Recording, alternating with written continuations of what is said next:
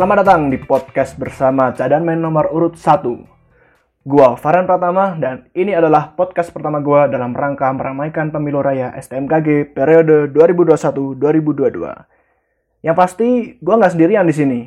Ada kompatriot gua, seorang Nur Irfan Wicaksono.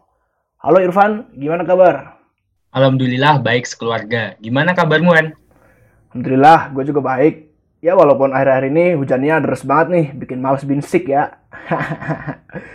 Gimana di Semarang? Hujannya deras juga nggak? Kalau di Semarang sih kebetulan baru aja selesai hujan dan cukup deras juga. Untuk binsik bisalah ya dilaksanakan di rumah. Jelas lah, kalau binsik mah wajib, jadinya di rumah pun bisa. Ini kayaknya seluruh Jateng ya emang tinggi intensitasnya. Setahu gua sih, ini tuh imbas dari siklon tropis Seroja yang sempat berada di Laut Sau di NTT, yang menyebabkan bermacam bencana hidrometeorologi yang terjadi di sekitar NTT dan NTB. Dan alhamdulillahnya, sekarang siklon sudah bergerak menjauhi wilayah tersebut. Kami, mewakili Taruna dan Taruni STMKG, mengucapkan duka yang mendalam kepada saudara-saudara yang terkena dampak bencana banjir bandang di NTT dan NTB, maupun gempa bumi di Jawa Timur, yang baru-baru saja terjadi di Indonesia. Semoga Tuhan senantiasa melindungi kita semua dan mengganti kerugian dengan hal yang lebih baik di kemudian hari.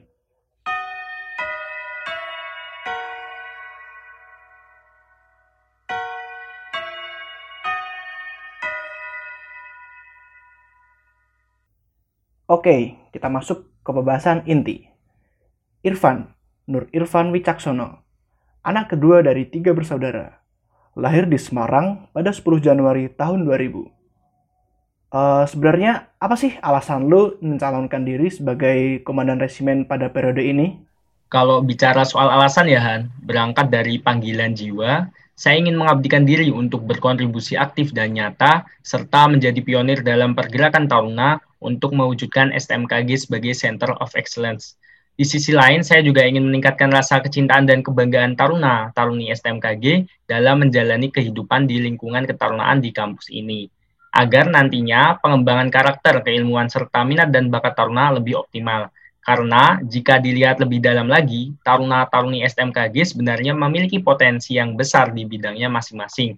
Nah, di sinilah muncul keinginan saya untuk menjadi fasilitator dalam mengekspansi potensi tersebut di samping meningkatkan pula rasa kecintaan dan kebanggaan Taruna terhadap institusi dengan mengedepankan kedisiplinan, integritas, serta profesionalitas. Hmm, menarik juga nih pandangan lu mengenai hubungan perkembangan bakat minat Taruna dengan rasa cinta dan bangga terhadap institusi sendiri.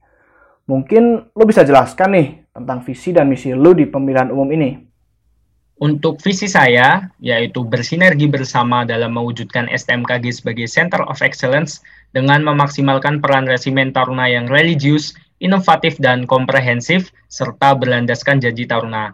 Untuk misi saya yang pertama, yaitu membangun iklim komunikasi yang baik, efektif, dan terkoordinasi dengan pihak internal maupun eksternal STMKG.